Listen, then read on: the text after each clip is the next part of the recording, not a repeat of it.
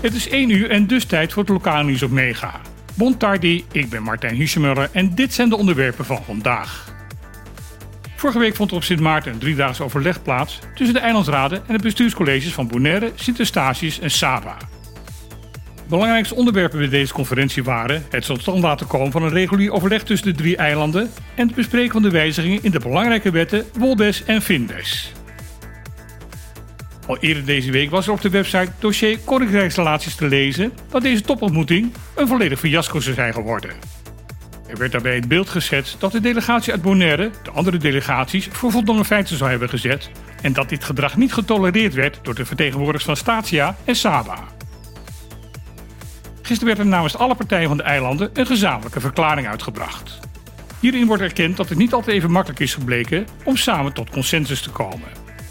Verder wordt in de verklaring niet gesproken over afspraken hoe de besprekingen in Den Haag over de wetswijzigingen gezamenlijk aangevlogen zullen gaan worden. Wel wordt er gezegd dat de wil aanwezig is om de samenwerking tussen de drie eilanden verder te gaan uitbouwen. Daarom is nu een werkgroep opgezet om dit verder vorm te gaan geven. Het leven op Bonaire blijkt ook het afgelopen jaar weer duurder te zijn geworden. De prijs in het laatste kwartaal van het jaar lag het 4,2% hoger dan het laatste kwartaal in 2022. Dit meldt het Centraal Bureau voor Statistiek. Gemiddeld lag de prijs wel over het hele jaar 2023 3,8% hoger dan een jaar daarvoor. Dit heeft te maken met de hogere prijs voor huisvesting, water, energie, vervoer en voeding. Ook op de twee andere BES-eilanden stegen de prijzen. Maar daar was de inflatie over 2023 minder hoog dan op Bonaire.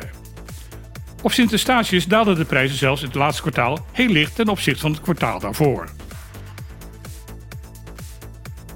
Bonaire komt niet onder verscherpt toezicht te staan als het gaat om vergunningverlening, toezicht en handhaving van natuur- en bouwvergunningen.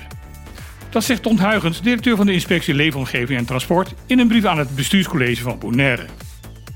Eerder maakte staatssecretaris van Infrastructuur en Milieu, Vivianne Heijnen, bekend dat ambtenaren van ILT een formele rol gaan krijgen bij het uitgeven van vergunningen en de handhaving daarvan op Bonaire.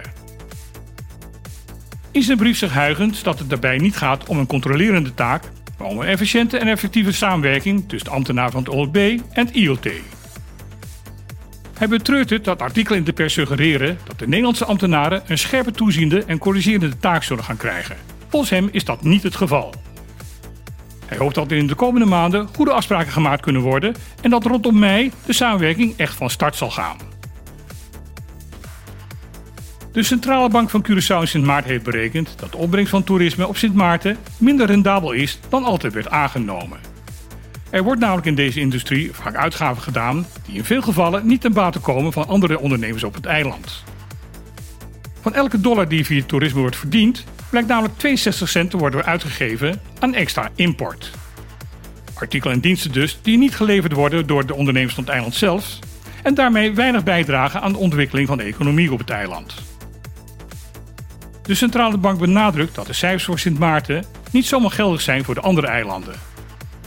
Zo zegt de bank bijvoorbeeld dat de toeristen op Sint Maarten meer gericht zijn op het luxueus winkelen en die op Curaçao meer op het meemaken van belevenissen. Dat levert andere geldstromen op. Hoe deze verhoudingen liggen op Bonaire zijn zover bekend geen recente cijfers van beschikbaar.